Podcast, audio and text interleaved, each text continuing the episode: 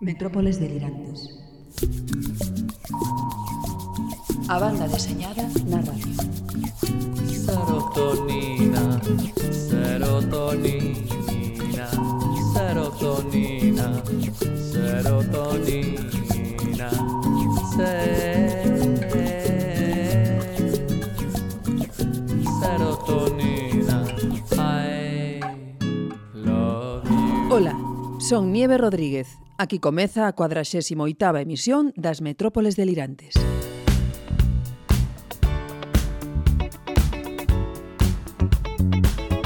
Falamos con José Ángel Ares de El Rei de la Carretera, o seu novo e apocalíptico libro con guión do estajanovista Josep Busquet.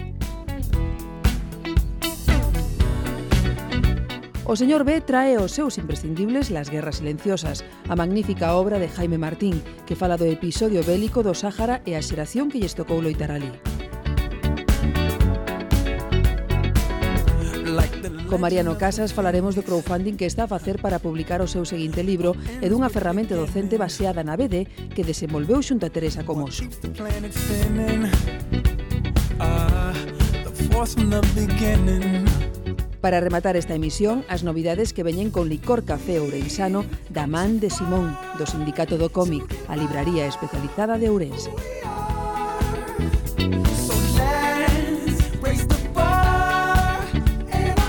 O noso técnico Alan Smithy xa ten o aparello pronto. Partimos xa. She's up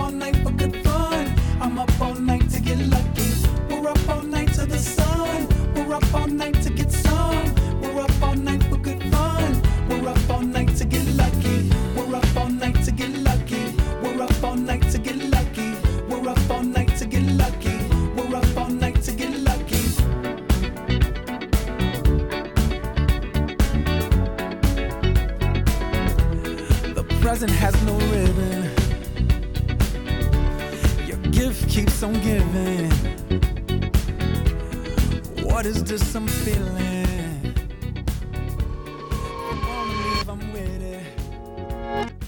Soñamos con vacas, soñamos con en garaxes herméticos, en garaxes herméticos, en garaxes herméticos. Delirante. E así de Janchete e imos eh, comenzar o programa co señor B como a cada 15 días. Hola, señor B. Hola. Que tal? Ben. Bueno, Comenzamos as novas da BD e imos ata Barcelona porque hai notición que saltaba hai uns días e vai a, vai a estar presente no salón unha figura recoñecida a nivel mundial do mundo do cómic, non? Frank Miller. Frank Miller. Nada menos. Fran Miller vai estar en Barcelona, que é unha excusa máis que máis que boa para visitar o salón e para intentar bueno, coincidir con el. Xa per se, o Salón de Barcelona é unha cita case que ineludível para todos aqueles amantes da BD este mm. ano eh, ainda máis, non?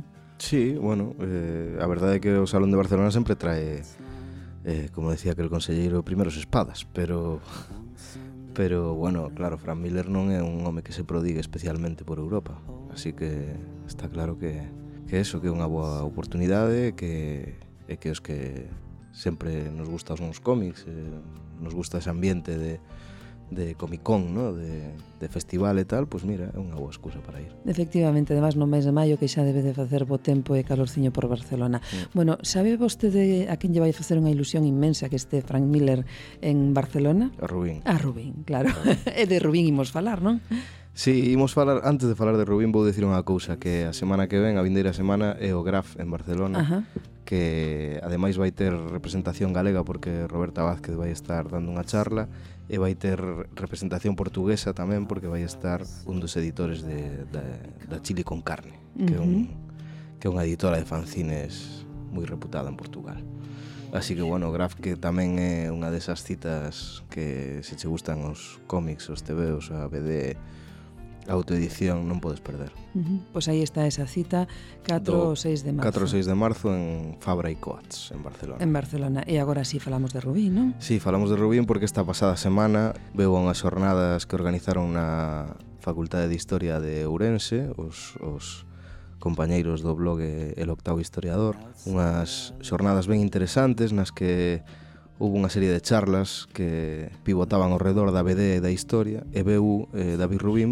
para bueno, dar unha charla de como é o seu proceso creativo, cales son as súas influencias, falou un pouco de cada unha das súas obras, falou de Frank Miller, puxo algunha das páxinas de Frank Miller que máis lle gustan e que máis lle influíron e sobre todo eh, ensinounos un capítulo 20, que nos 20 páxinas de Gran Hotel Abismo que é a obra que está facendo con guión de Marcos Prior eh, que estará seguramente para finais deste ano e que, bueno, os, as 20 páxinas que vimos foron absolutamente deliciosas e...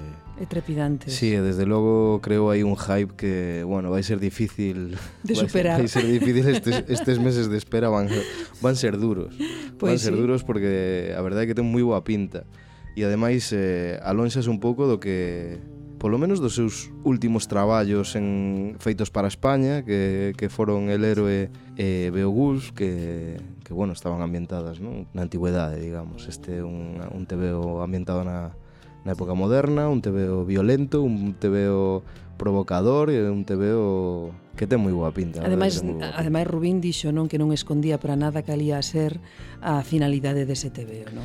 De ser escritos os tempos que vivimos, que son bastante peculiares. Sí, Rubín no? é, un, é un autor, a mí parece un autor valente que nunca esconde as súas ideas sobre o que está pasando, nin como está o mundo, nin sobre a economía, nin o que nos toca vivir de falta de liberdades, de recurte, de esta, esta moda do políticamente correcto, non? Eh, a min parece un autor valente, tanto el como, bueno, Marcos Prior xa un, no, calquera das obras de Marcos Prior desde logo son desas que que che pegan un puñetazo na primeira páxina e non para de pegarche hasta a última páxina, sacudindo aí as entretelas de todo o mundo, porque é un home que escribe ben, que narra ben e que ademais toma, toma partido e, e di as cousas, como hai que dicilas, vamos. E iso precisamente o que van facer os dous, tanto Rubín como Prior nesta nova obra, que como dicía el, para cando xa estará? Finais de ano, dixo. Finais de ano, dixo, sí. non? Sí. Uh -huh. E logo polo medio tamén comentou que estaba traballando para Dark Horse. Sí, empezaba ahora un proxecto para Dark Horse con un guionista americano que non lembro o nome, sinto. E, e nada, estaba dando os primeiros pasiños de ese novo traballo americano. Uh -huh. Pois aí estaba esa noticia que deixaba e esas páxinas que nos ensinaba que eran caviar, pero do bo. E agora sí, seguimos falando da Asociación Galega da BD porque sigue dando os seus eh, pasiños, pasaniño a pasaniño, pero vai encaminhada, non? Pois paseniño paseniño vai dando, eso, vai dando os pasos para acabar constituindo unha Asociación Galega da BD.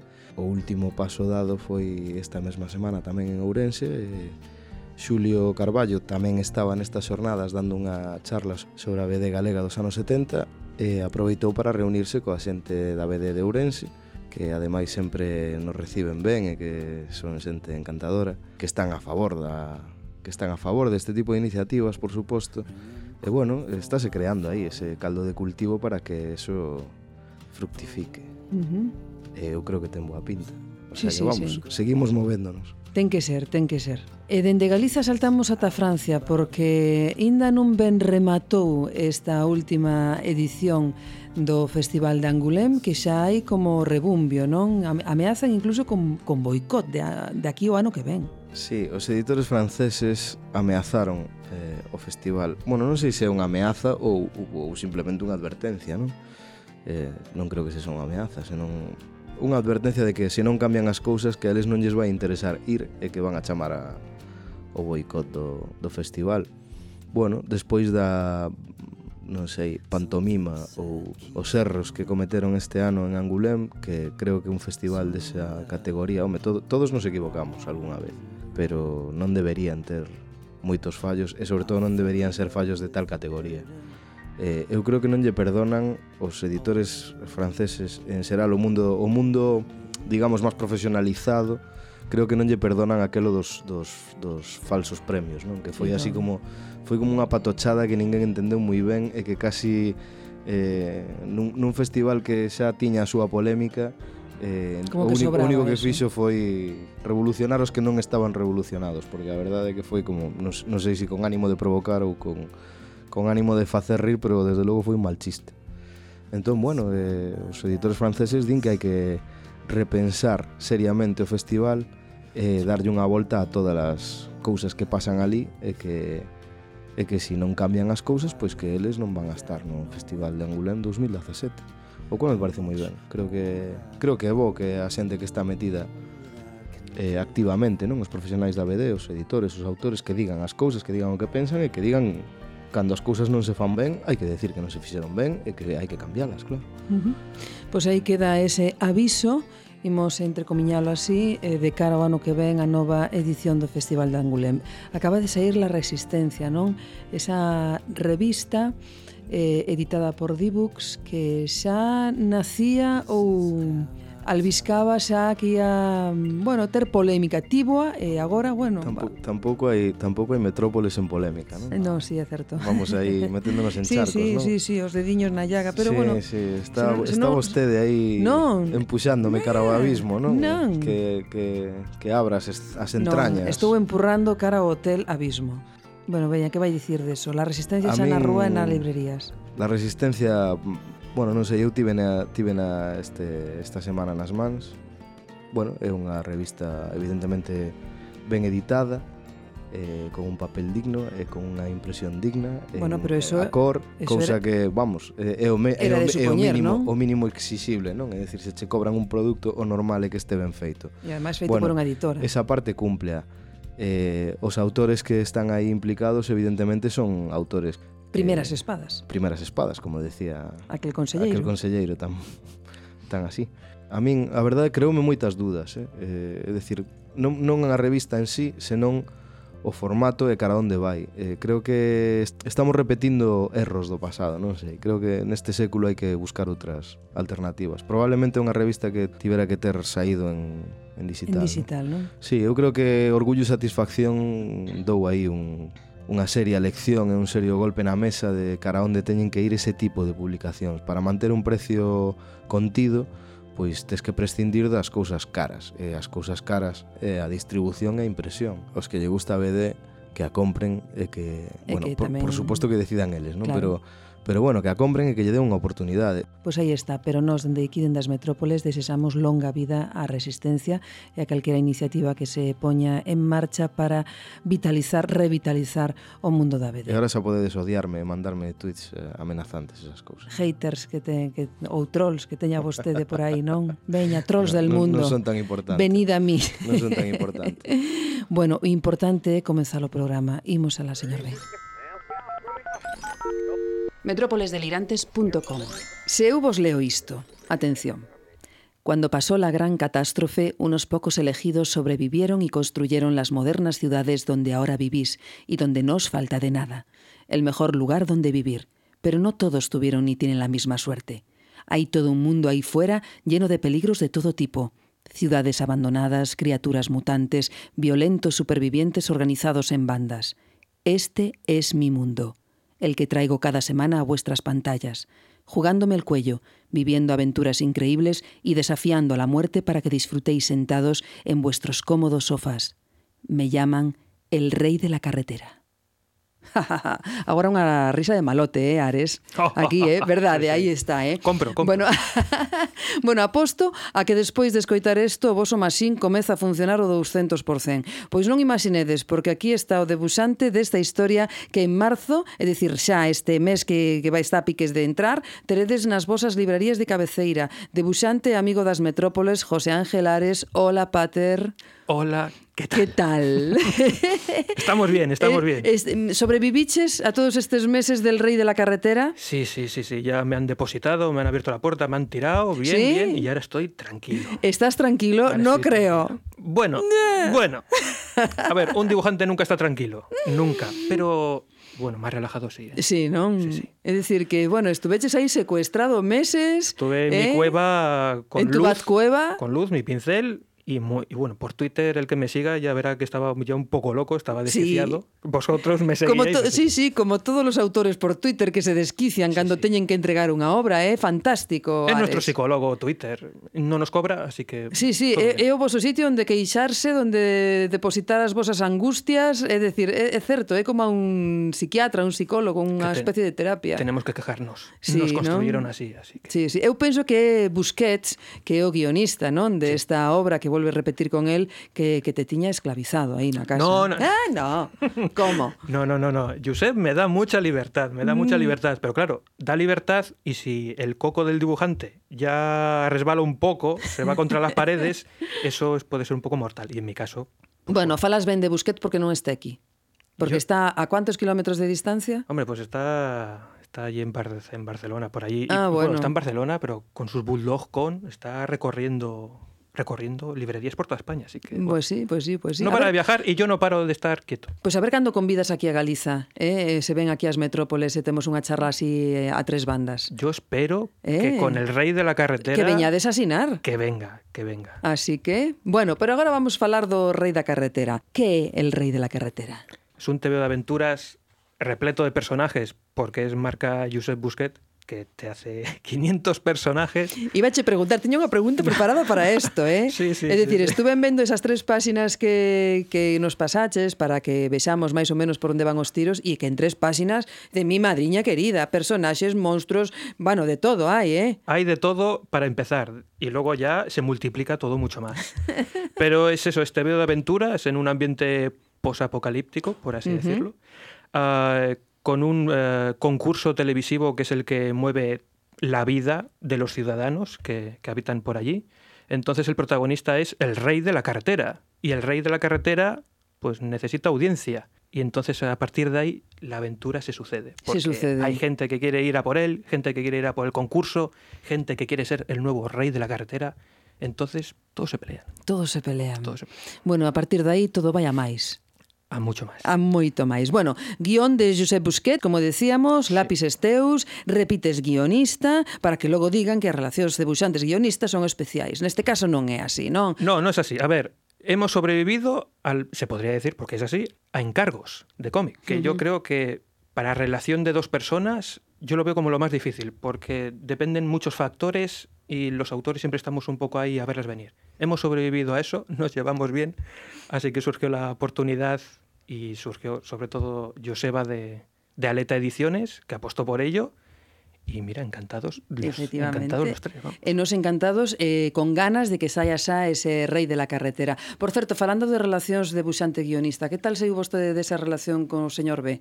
Que fixeron aí un guión a medias para o Finegans. A ver, yo creo que quedou moi ben. Logo aquí... No, ¿eh? no, no, o traballo quedou moi ben, eso yo, non temos dúbida ningún. Que sí. E aqueles que non o viran, que se fagan con ese Finegans 2, que, eh, que, que está moi ben. Pero que tal esa... É tan raro como parece na radio? Es rarísimo, sí. hombre, es rarísimo, pero yo creo que se le lleva bien. Sí, ¿no? Vamos, sí.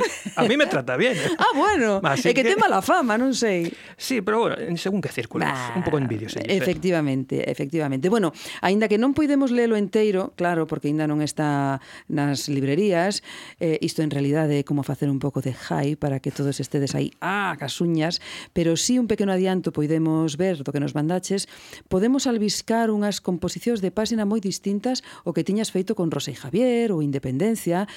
Te has desmelenado, Ares. Hay que madurar y hay que crecer y hay que apostar un poco por lo que uno puede sacar un poco adelante.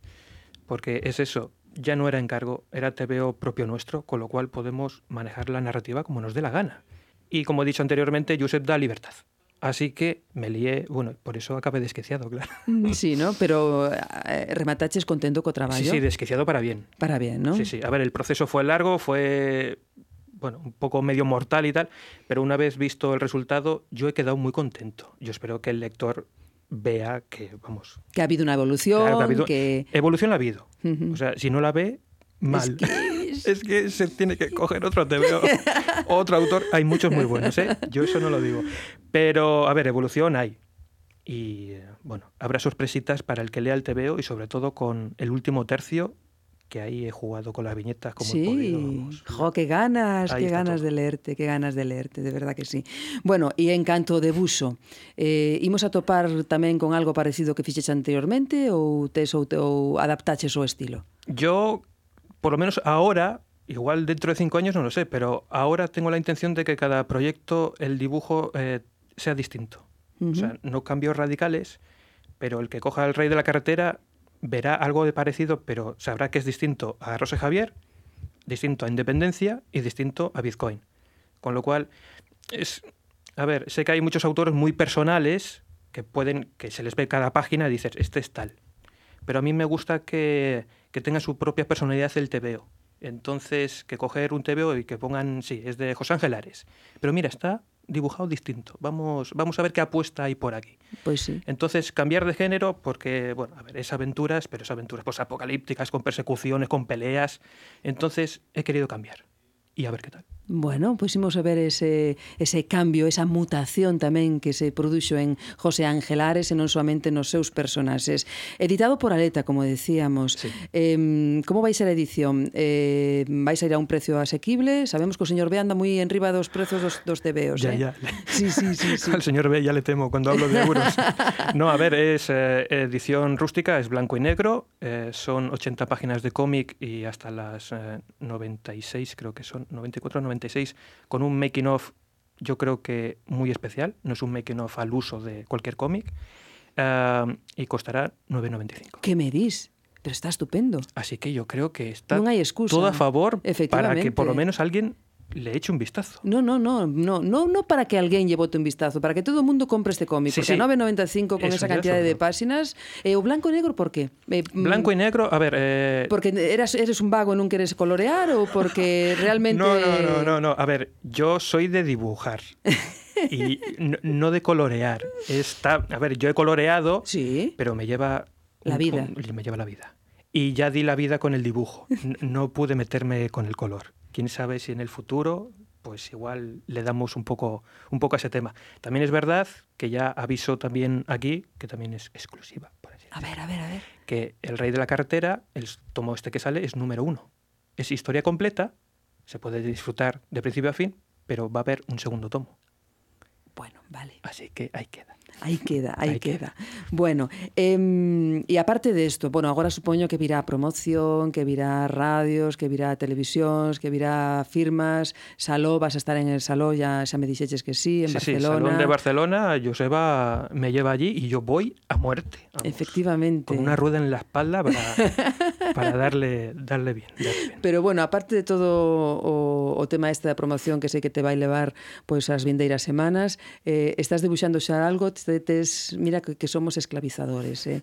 eh inda acabas de sacar un e xa che estamos preguntando se va a sacar outro. A ver, es que un dibujante o está dibujando algo, pero ya antes de acabar el proyecto que está acabando, o, o si no, no está. Y yo, claro, a ver, con Busquet, eso, lo, como ya he dicho, habrá tomo 2 y con Busquet ya estamos desarrollando las ideas para ese tomo. Pero luego, vamos, con Paco estoy a la espera de nuevo guion. para vol- Paco, que Paco? Paco Hernández, Paco Hernández. que hice Rosé Javier con él, Uh pues esperando para empezar nuevo proyecto ya con él. Super proyecto, tengo que decirlo. Dios, pero dilo, dio máis alto, No, super proyecto. Eh, a ver, es súper proyecto, pero ahora un poco así en, en bajini, Sí. porque luego cuando se sepa con qué editorial y qué pedazo de historia va a ser, eso ya, ya podré gritar ya, ya a fondo. Pero No- bueno, eso con él, luego tengo otro proyecto con el escritor Juan Gómez Jurado, eh, tengo, empiezo ahora un nuevo proyecto audiovisual con Dani de la Torre, Que me dis? entonces que vas facer outra vez o Stereobar para... es, para... eh, vamos a empezar con concepts de, de su nueva película. Entonces yo estoy súper emocionado. Bueno, pues, eh, ah, oye, por certo, eh, ti fixeches o storyboard de, del desconocido. Sí. Así que, mm, parabéns. Muchas gracias.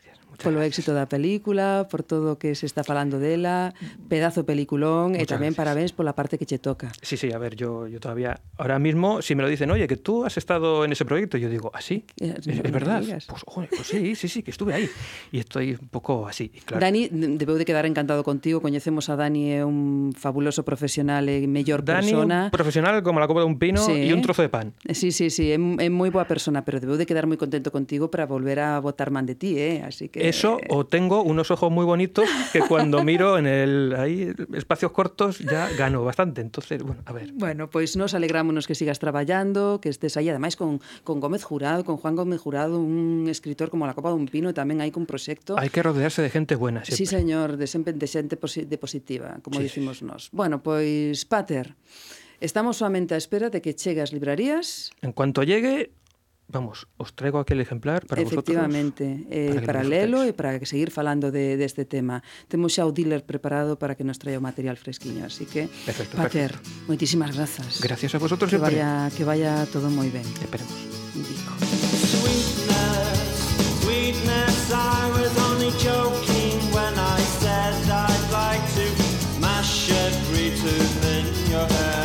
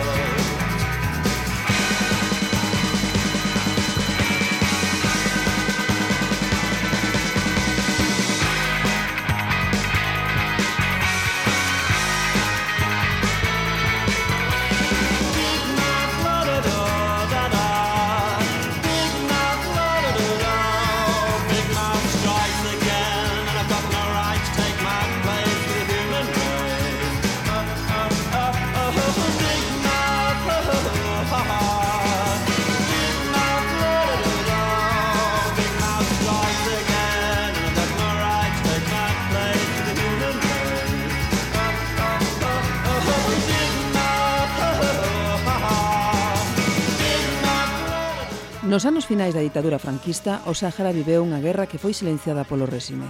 Soldados españois foron enviados ás colonias sin saber moi ben a onde e a que ían, e unha vez ali descubriron que había unha guerra e que España ia perdendo.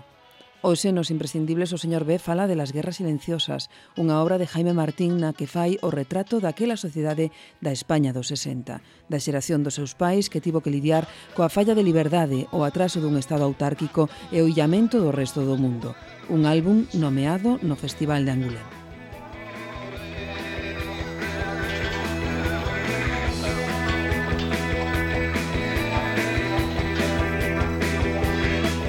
Nas Guerras Silenciosas conta a vida na España dos anos 50 e 60, un estado autárquico que comezaba a recuperarse economicamente dos duros anos da posguerra e que vivía na dualidade dos tempos do moderno turismo europeo e a industrialización tardía mesturado coas tradicións, o medo e o atraso o que foi condenado polas elites franquistas.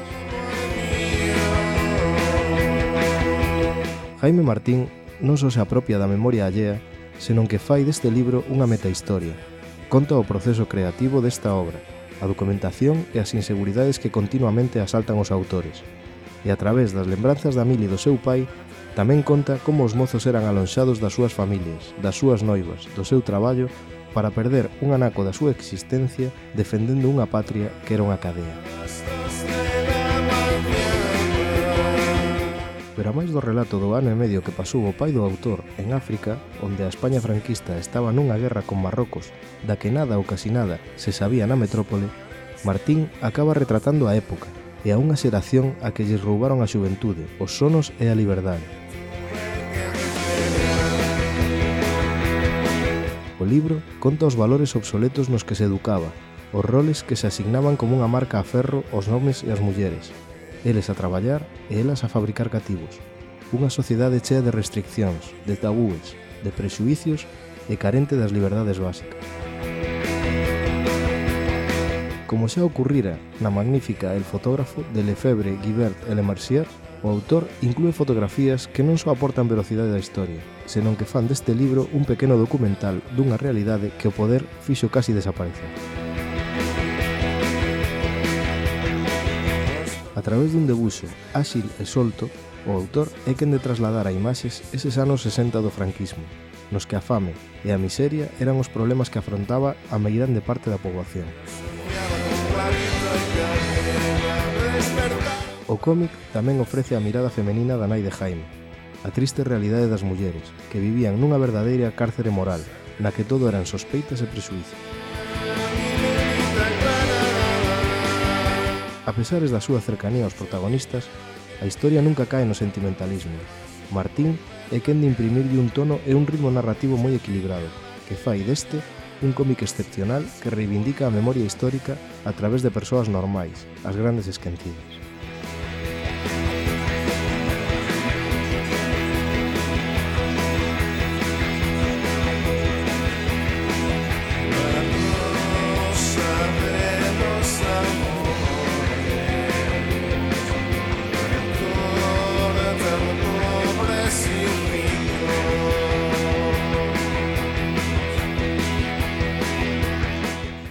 cansaremos nunca de insistir no feito de que a BD, ademais de proporcionarnos ratos maravillosos de lectura e o goce visual, tamén é un vehículo perfectamente válido para, entre outras moitas cousas, educar. E precisamente da banda deseñada como ferramenta pedagóxica é do que imos falar con Mariano Casas Gil, creador xunto a Teresa Comoxo de A Tres Bandas, un proxecto que ten como finalidade a aprendizaxe de idiomas e a aprendizaxe tamén a narrar dun xeito visual. Hola Mariano, que tal? Hola, que tal? Moi ben. E ti que tal estás? Ben, ben, tirando. Alégrome logo. Bueno, comezamos falando desto, non? Porque sempre falamos con autores, falamos de obras moi concretas, pero poucas veces, e non é porque nós non teñamos ganas, senón porque non hai iniciativas deste tipo no mercado e non se fan, eh, falamos pouco deso, da BD como ferramenta pedagóxica. A tres bandas, que, con que obxectivos nace este proxecto e como xorde a idea de levala a cabo? Bueno, surge porque eh, la Consejería de Educación pues, da la, posibilidad de, crear proyectos educativos eh, que un poco vienen a, a, llenar el espacio este 3.0, 2.0 de que se habla, ¿no? que es eh, ir sustituyendo los eh, libros de texto clásicos por materiales online que se puedan utilizar en el aula. ¿no? Y bueno, mi, mi pareja y yo somos, ella es profesora de, de inglés, yo soy profesor de dibujo y soy dibujante de cómics y se nos ocurrió pues hacer algo que aunase las dos fuerzas, ¿no? Y, y se- se nos- ya nos vino claramente la idea de hacer un cómic que, explicase dentro del propio cómic cómo narrar visualmente y al mismo tiempo que, que se, se pudiera aprender inglés con él, ¿no? Bueno, eh, pódese ler en inglés, en español e máis en galego, non? Sí, sí. Nos tres idiomas. Hai opción de que nun futuro se incorporen outros idiomas ou non? Quedades aí. Eh, bueno, de hecho lo pensamos, ¿no? Lo que pasa es que para, este, para realizar el proyecto te dan tres meses y ya el cómic es, es largo, ¿no? Y no teníamos tiempo a más, pero sí que era una, una idea a tener en cuenta, pues que, claro, no solamente en inglés, ¿no? Eh, sino otros idiomas entrasen dentro de, de- esto. Bueno, eh, son historias curtas, non? Protagonizadas por Matías e Ramón. Cal é a temática das historias e contanos quen son Ramón e Matías? Pues eh, son dos personajes que, que luego finalmente resultan no ser Ramón y Matías, y Matías sino ser otras personas que, ya lo, lo- lo verá quien lo lea. Y, Que non nos lo desvelas entonces. No, no puedo, que ah, amigo, ese- vale, é segredo. Vale, outro aliciente máis para ver. Claro, Sí. ese es el, último capítulo, es el desenlace. Y cada historia, es una son historias de, de seis páginas cada una, son autoconclusivas, y digamos que cada una es monográfica, explica un tema en particular dentro de la narración visual, ¿no? no solamente de los cómics. Entonces, pues, por ejemplo, una habla del tiempo, otra de las expresiones, otra de, de sonidos, colores, eh, planos y encuadres, movimiento, o sea, es explicar una, una, una característica, una, un elemento que no solamente en algunos casos es, es, eh, del cómic, sino también de, pues a lo mejor del cine o de otros medios de expresión, ¿no? Bueno, eh, xa se pode votar man del, non? Aínda que a Consellería non o colgou onde ten que colgalo aínda, aínda non está aí, pero xa se pode utilizar. Eh, sí, sí, el material ya lo entregamos hace unos meses y aunque todavía no está en el repositorio de la Consellería, sí se puede ver en ISU, en la plataforma esta de publicaciones digitales. Eh, si lo buscáis como eh, a tres bandas eh, Mariano Casas, pues lo encontráis fácilmente y ahí se puede ver en los tres idiomas, ¿no? Se puede ver, eh, vienen los, las 19 partes, de los 19 temas todos seguidos, ¿no? Y al final también aparece una pequeña sección que, que es de preguntas y respuestas frecuentes, que es cómo aplicarlo en el, en el aula y es una sección que no solamente es- está enfocada a profesores, sino también, sino también a los propios chavales, ¿no? Eh, cómo aprender a dibujar cómics con ese material. Ajá. Eh, A miña pregunta agora é, eh, está moi ben isto de utilizar o soporte internet, isto é solamente en internet, non? Pode eh, ver en internet. Sí, a nosotros gustaría que tamén se pudese editar en papel, pero bueno, eso, todo llegará, ¿no? Todo llegará. Sí, sí. bueno, eh, é de libre acceso tamén. Sí, sí, sí. Todo mundo que queira chegarse a el pode facer. Aproveitase pouco este soporte, este formato na docencia e ten moitas vantaxes, non? Era a miña pregunta. Ser internet, eh, o soporte de cómic, eh, todo o mundo fala de que ten un papel moi importante a nivel pedagóxico, pero pouco se fai uso del. Sí, yo, yo creo que el cómic se utiliza poco en la enseñanza. Se, se utiliza eh, poco porque tam- tampoco hay mucho tiempo, ¿no? O sea, yo creo que también el formato de, de clases rígido de 50 minutos y tal, yo soy profesor de dibujo artístico y las materias que digamos que requieren un trabajo de taller, un trabajo de eh, pormenorizado de reflexión, de creación, de acabado y tal, como puede ser eh, hacer un cómic, por muy corto que sea, es muy difícil encajarlo en, en un aula, en una clase, ¿no? Entonces, bueno, son cosas que, que tampoco se han usado mucho y yo creo que son muy útiles no solamente para aprender a hacer cómics, sino para aprender a entender un montón de cosas, ¿no? La representación visual, la narración visual, el cine y, y otras muchas cosas. ¿no? Pero bueno, o cómic en sí como, como un vehículo para mm, aprender cosas tamén se utiliza moi pouco.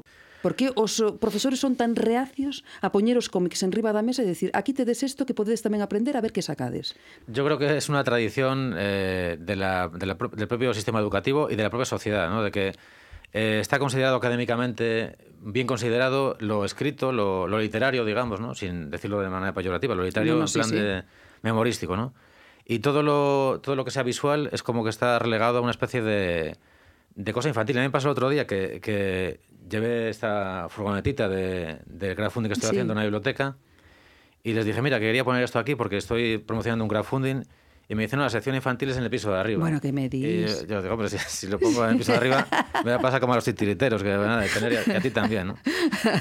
Y hay esa idea de que lo académico, y en la escuela se ve muy claro, ¿no? Lo académico es lo que se escribe, lo que se lee, lo que se eh, memoriza, y lo que se dibuja, lo que se ve, lo, lo visual es como una cosa de, de entretenimiento, ¿no? Yo creo que es una equivocación y también es algo cultural, ¿no? De nuestro, nuestro sistema educativo particularmente es un poco así, va por ese camino y a lo mejor en otros sitios sí que se presta más atención a lo que es lo visual o lo audiovisual, ¿no? A mí encantaríame que nesas mochilas que están cargadas de libros que parecen que os rapaces non poden con elas, que de vez en cando cando abrisen esas mochilas que sacasen un cómic eh, e non para para disfrute, para para pasar o tempo, senón para aprender tamén. Eso sería maravilloso, non? Sí que sería, y además eh, ahora se ha- yo creo que se ha avanzado bastante en eso, ¿no? Sí que las bibliotecas empiezan a, A incorporar. a incorporar cómics, pero yo lo que veo también es que hay eh, muchos cómics que son como adaptaciones literarias. ¿no? Es- está siempre como un poco relegado a, a la literatura, a, otro tipo de narración. Y eh, cuesta considerar el cómic como una narración en sí eh, que no, no, no es literatura en sí misma, sino que es otro lenguaje. ¿no? Efectivamente. E para que abanodidade está feito este proxecto? Pues en principio el proyecto eh, tenía como objetivo eh, eh, didáctico, digamos, eh, eh, destinarse a chavales de segundo ciclo de primaria y primero de secundaria, es decir, entre los 10 y los 14 años. ¿no? Pero bueno, como es, bastante versátil como material, entonces tiene algunos temas como la sombra, la perspectiva, la narración alterna, eh, que son un poco más, se pueden aplicar a chavales mayores y otros que son ma- más, adecuados para todas las edades. ¿no? O sea, que yo creo que es bastante versátil e incluso gente adulta lo puede leer como, como unha especie de manual, uh -huh. incluso como un, como un libro en sí mismo, ¿no? Como a min valeríame moito. Eu que non teño nin idea de debuxar, nin pues... de facer nada, seguramente que ia aprender moitísimo. Sí, es que yo creo que, que tampouco... O sea, yo, yo no estoy... Eh, yo no creo que haya cosas para niños específicamente, ¿no? Sí que a lo mejor hay las cosas muy para niños muy pequeños, sí que son... Uh -huh. Pero luego a partir de ciertas edades...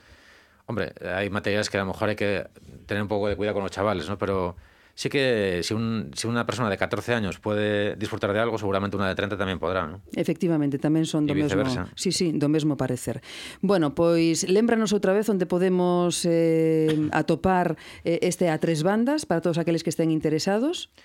Pues esto se puede encontrar en ISU, eh, con dos S y con dos U's, que es un, un portal de publicaciones digitales, E buscando por ese nombre a tres bandas xa lo podes encontrar. Bueno, pois a ver se a Consellería tamén se anima a colgalo nese, sí, nese hombre, apartado seu, que xa vai sendo hora, non? Sí, sí.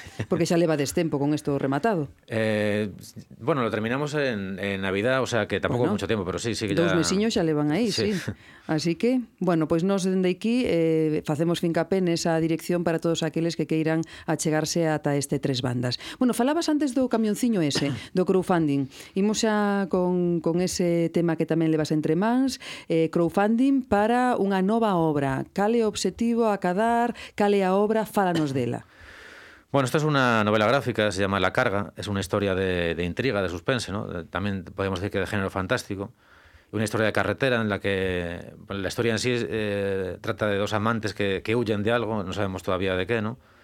Y que llevan una vieja furgoneta, una Citroën H, eh, llevan una carga misteriosa detrás que, que es un poco el, el- el motivo, el desencadenante de todo lo que va a pasar y de toda la, la- la carga emocional a su vez que está sucediendo en la furgoneta. ¿no? Todo lo que sucede es dentro de esa furgoneta y bueno, se van desencadenando ese acontecimientos y al final eso acaba de una manera que, que, claro, no puedo desvelar, pero que, que es, muy, es muy interesante. ¿no? Bueno. Es, una- es un libro que, que le va a gustar a la gente, yo creo. E estás facendo ese, estás facendo ese crowdfunding Mm. que vai pola metade de tempo, non? Como vas? Eh, Cale o obxectivo a cadar? Va bien, en principio lo que, eh, lo que solicité fueron 4.000 euros para editar el cómic. Eh, tiene una edición muy artesanal, no solamente es, edita- es imprimir el cómic, sino también eh, la portada está hecha en serigrafía, parte de la tirada está hecha en, en grabado en linóleo, luego hay que montar las portadas y luego también, eh, claro, el crowdfunding también hay que añadir el coste de lo que es eh, distribuir el, Sí. el libro una vez que lo tengas terminado, ¿no?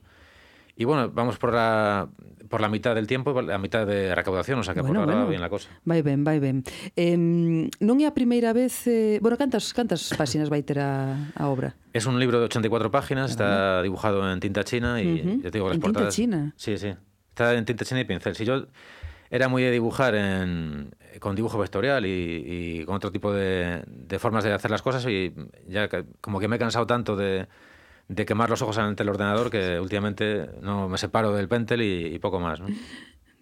Bueno, eh, non é a primeira vez que te lanzas a este sistema de financiación, non? Xo fixeras con el Club del Miedo, ademais de editar baixo demanda Espíritus de Amor e de Odio. A autoedición é unha opción persoal para ti ou falo empurrado pola necesidade porque eso de editar a través dunha editorial estaba máis difícil?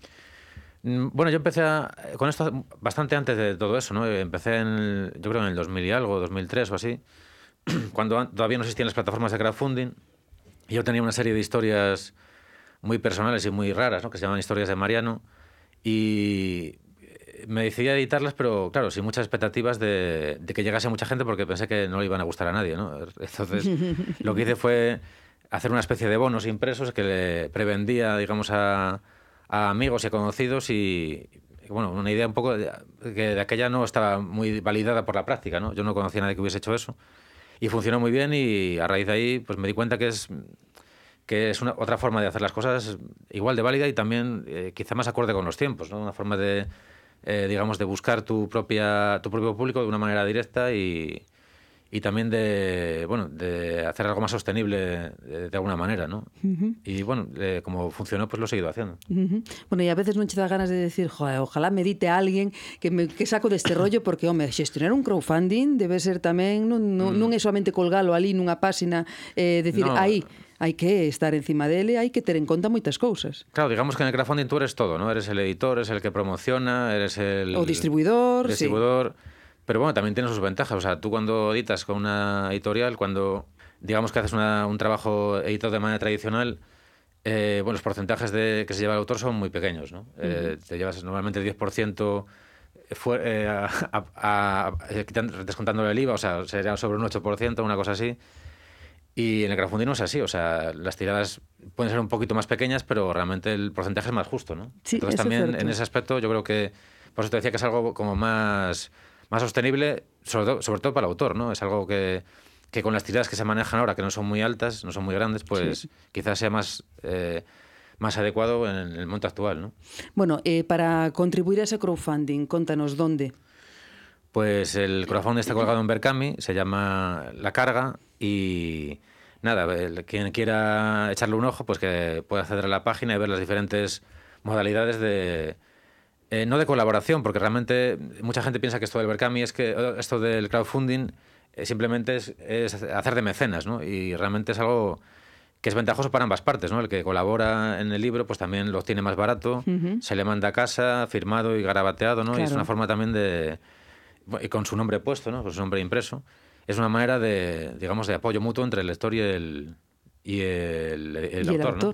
Uh -huh, pois aí está. Bueno, eh, quedan eso a metade do tempo para contribuir a este crowdfunding de la carga de Mariano Casas. Eh, me parece a min xa se nos rematou o tempo, fíxate ti, eh? Bueno, Así que haberá, non, haberá máis máis días e máis programas para falares. Eh, Mariano, moitísimas gracias, que ojalá o gallá que vaya moi ben este proxecto educativo que puxestes en marcha ti máis máis Teresa, tamén o crowdfunding que siga para diante e que acadedes o obxectivo. Eh, bueno, cando teñamos a carga entre as mans e eh, hmm. o poidamos ler, pois xa falaremos. Muy bien, Mariano, gracias. Gracias, gracias a vosotros. Gracias. Chiamos en arroba metrópoles de...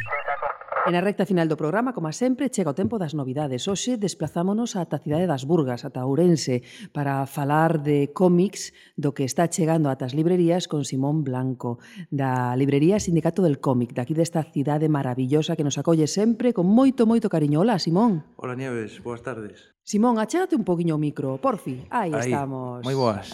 Escoitaseme. sí. Estás cómodo? Moi cómodo. Estou bueno. na casa hoxe. Xogando en casa. Sí, Oye, eh, mm, vimos xa polas redes sociais que estivo aquí Miguel Porto, que o tivemos nas metrópoles falando do Allen, asinando exemplares. Que tal foi? Moi ben, moi ben. Estupendo. Pasamos un rato estupendo con él A xente dos bares do, do redor tamén quedou moi contenta con el. moi ben todo.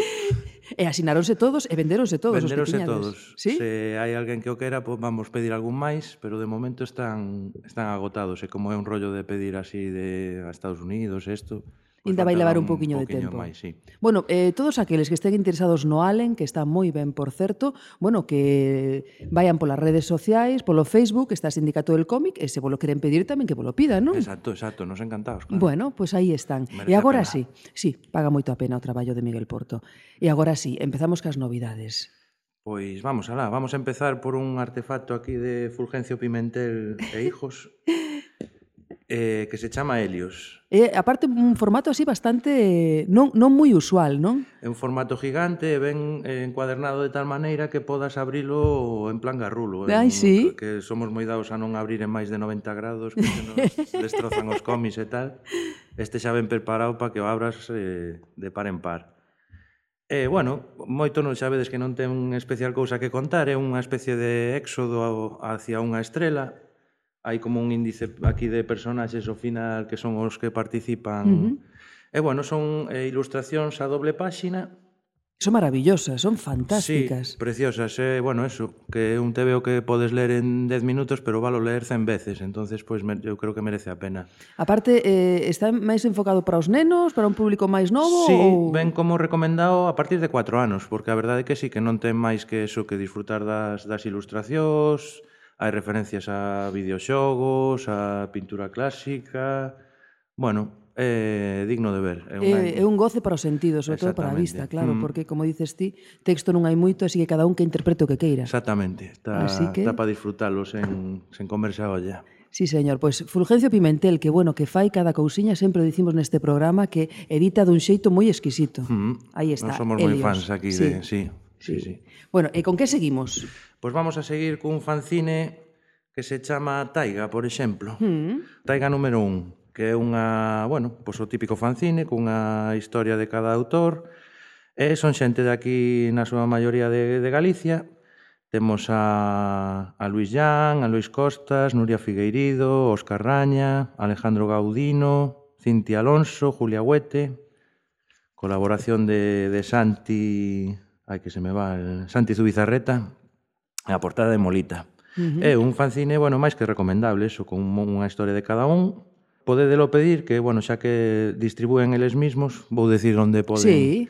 Que eh, no Taigacine, con Z, arroba gmail.com Pois aí está ese enderezo de correo electrónico para todos aqueles que se queiran facer con este taiga feito por autores galegos. Moita cousa boa aí por o medio. Gústanos moito vir aquí, sabes por qué? Eh, que fales ti nas metrópoles, porque sempre recomendas así algún fanzine, algunha cousiña de autoedición que está moi ben. Claro, claro. Hai que facerlles un pouco de publicidade. sí, claro xa que sí, claro que sí, efectivamente. Bueno, despois deste taiga... Pois vamos ahora con, por exemplo, La imbatible chicardilla. La imbatible chica ardilla. La imbatible chica ardilla, que es uno, é un destes tebeos de Marvel Ajá. que saca, como chaman os Marvel hipsters, uh -huh. que a, bueno, a novidade chegou a semana pasada. Está moi divertido, a min, vamos, gustoume bastante. Os autores son Ryan North e Erika Henderson, que creo que era unha xente que se dedicaba a facer webcomics. Eh, e, e eh, acabaron recaendo aquí na, na Chicardilla, que é un personaxe que eu personalmente non coñecía de nada. No, eu tampouco. Pero bueno, tamén é que como o universo superheróes en Marvel é infinito, é, é eso, é inmenso. Sí.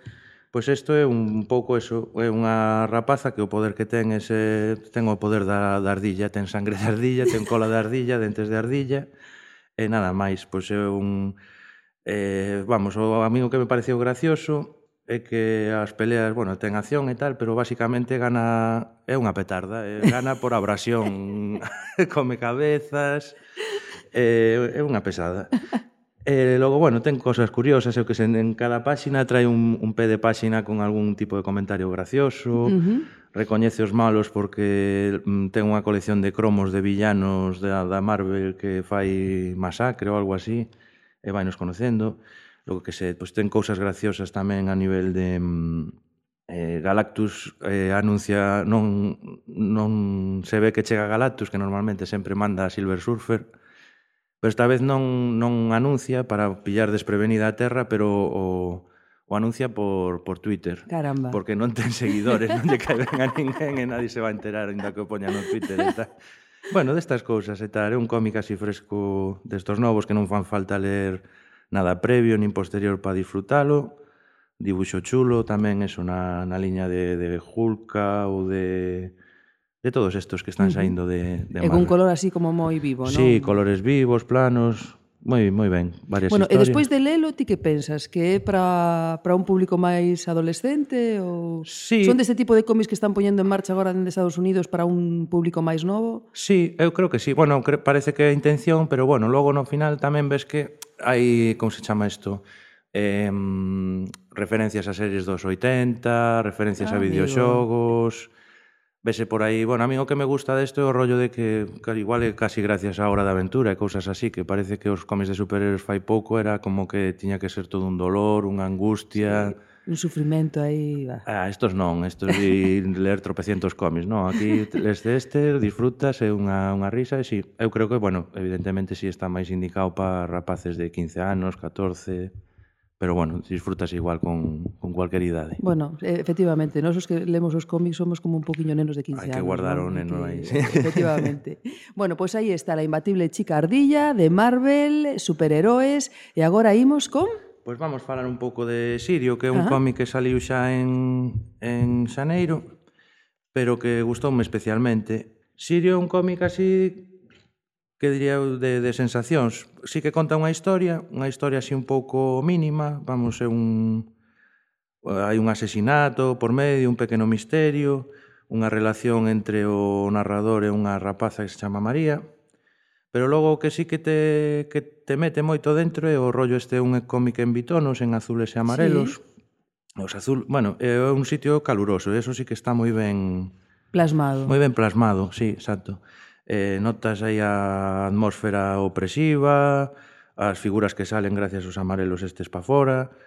E eh, outra cousa que ten un par de cousas chulas que me molan, primeiro que o, o autor, que é Martín López Lam, que é o, o editor de Ediciones Valientes, que tamén fai uns fanzines e unhas autoediciones moi chulas, pois quiso facer algo así sin unha especie de, de é moi libre a hora de facer a, a narrativas, uh -huh. a, a distribución de páxinas non está encorsetado, entonces pois dalle así un, un, un tempo distinto, hai colás, hai ilustración, bueno, é un tal. E logo os, os textos está moi ben escrito, e os textos mm, gustame moito. Odio os cómics nos que te sai unha bombilla e o texto de apoio é isto é unha bombilla, non? Que non aportan nada. Aquí máis que aportar ou describirte algo, pois vanche dando pistas do que pasa, eh, pero nunca che aclaran nada. O sea, un cómic destos que ten que poñer o autor o autor ou o lector de su, da súa parte para cerrar a, a lectura, que a min, bueno, gustame especialmente.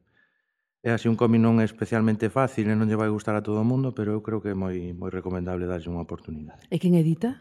Edita Fulgencio Pimentel. Fulgencio Pimentel. Que non nos paga Fulgencio Pimentel nada, pero Non, sempre... pero bueno, pero ás veces cadra, non? Cousiñas sí, solliñas sí. que son dignas de recomendar. Pois mm. aí está este Sirio de Martín López Lam, editado por Fulgencio Pimentel. Eh, vamos a acabar, se vos parece, con Paciencia, que tiñamos moitas ganas de leelo, que é o novo traballo de Daniel Klaus, que é outro autor así de referencia para moitos de nós, e facía un mogollón de tempo que non sacaba nada novo. Sacou tamén Fulgencio Pimentel, primorosamente editado, como sempre. O contrario sería unha excepción. Verdad. Verdade, non? Algún día darános unha sorpresa que bueno, teñen pinta de dar sorpresas. Sí. Día.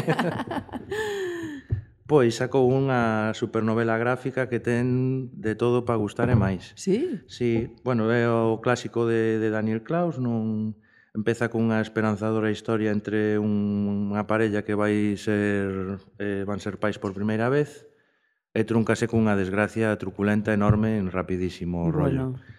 E isto todo pois xa nos leva a primeiro, pois eso, pasa dun rollo eh, de tipo cotidiano, costumbrista, xa pasamos a unha especie de historia de, de serie negra de investigación, un dos personaxes, pois, bueno, que non quero destripar moito, porque sí. ten bastantes sorpresas. Eh, pois, quere investigar que ha pasado, por que se deron esas circunstancias para, esa, para ese horrible feito. E dai xa pasan uns anos e eh, pasamos xa a un TVO de, de, de ciencia ficción de serie B, chulísimo. Xa hai viaxes no tempo, o tío descubra maneira de viaxar no tempo e intenta ir ao pasado a arreglar todo bueno, a, as circunstancias que levaron a, a eso cambiar o pasado. Como sempre hai personajes torturados, hai unha evolución moi chula dun dos personajes principales. Os narradores son os dous a parella do principio. Uh -huh. eh, en certos momentos conta ela que Paciencia é o nome da, da chica, eh, ya creo que era o, o, o tío, home. eso é. Eh. E viaja atrás e alante, para atrás no tempo. É eh, tamén unha historia un pouco tamén como de vinganza, porque hai un momento nun que un dos personaxes xa se plantea si prefire eh, evitar o, a desgracia ou ben xa deixar as cousas como están e arrincarlle a cabeza a todo o bicho que se lle poña por diante. E o tío, pois eso, xa empeza a caer nunha especie de depresión. E bueno, pois quizás haxe un pouco menos de humor este negro que ten habitualmente nos seus nos seus tebeos e tal, pero a min, bueno, foi dos que máis tamén igual era porque facía moito que non leía nada de Close, pero dos que máis me gustou, é un TV moi completo, ten de todo, acción, serie B, diversión, vamos, dos que, que máis recomendo de, uh -huh. desta, desta, desta volta. Tandado, ¿no? Uh -huh. Desa tandada. Sí, sí, sí. Pois aí estaba Paciencia, eh, tamén de Fulgencio Pimentel, de Daniel Clous, que non sei se se di así, pero bueno, é así, non? Eh, señor B, temos máis tempo para outro? Non, bueno, deixamos aí un que temos aí pendente, eh, claro. eh, Simón? Eh, escapo, o escape, como dice o noso asesor de inglés, Óscar ¿Sí? Iglesias. sí, de Paul Pope. Falaremos Paul Pope. noutra ocasión cando veñamos outra vez pola cidade das Burgas. Simón, moitísimas gracias. Gracias a vos. Gracias por estar con nos. Ata vindeira vez. Ata a seguinte. Me echaron droga. Delirante. En el colacao. Chegamos a Porto, a todo Filispín como o rei da carretera de Ares e Busquet. Precisamente con José Ángel Ares falamos desta obra que estará nas librarías en marzo. O señor B fixo imprescindível Las guerras silenciosas, un ABD de Jaime Martín que rescata a historia dunha xeración a quen lle tocou vivir a derradeira guerra española nos estertores do franquismo. Mariano Casas é un veterán da BD Galega, cunha ampla trayectoria na autoedición que está inmerso nunha campaña de financiamento para a súa seguinte obra e que a máis vende desenvolver unha ferramenta docente baseada na BD. Sempre é unha ledicia voltar a Ourense, onde nos deron a cubillo Ricardo e Simón, da libraría Sindicato del Cómic. E foi precisamente Simón que nos contou as novidades máis interesantes da BD. Estamos no Twitter en arroba metrópolesd. seguídenos e espallade a verba con nos. E tamén falamos de máis cousas da BD en metrópolesdelirantes.com. E lembrade, le de banda deseñada, se de xustos para ser gratos, que para ser un déspota non é preciso ser un xenocida. Metrópoles delirantes. A banda deseñada na radio. You know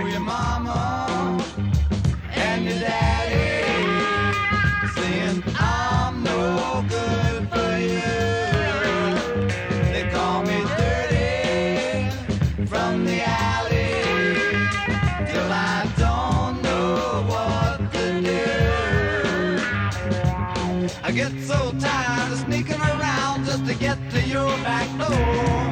I crawl past the garbage and your mama jumped out screaming, don't come back no more. I can't take it. My guitar wants to kill your mama. My guitar wants to kill your mama. My guitar wants to burn your dad. I get real mean when it makes me mad.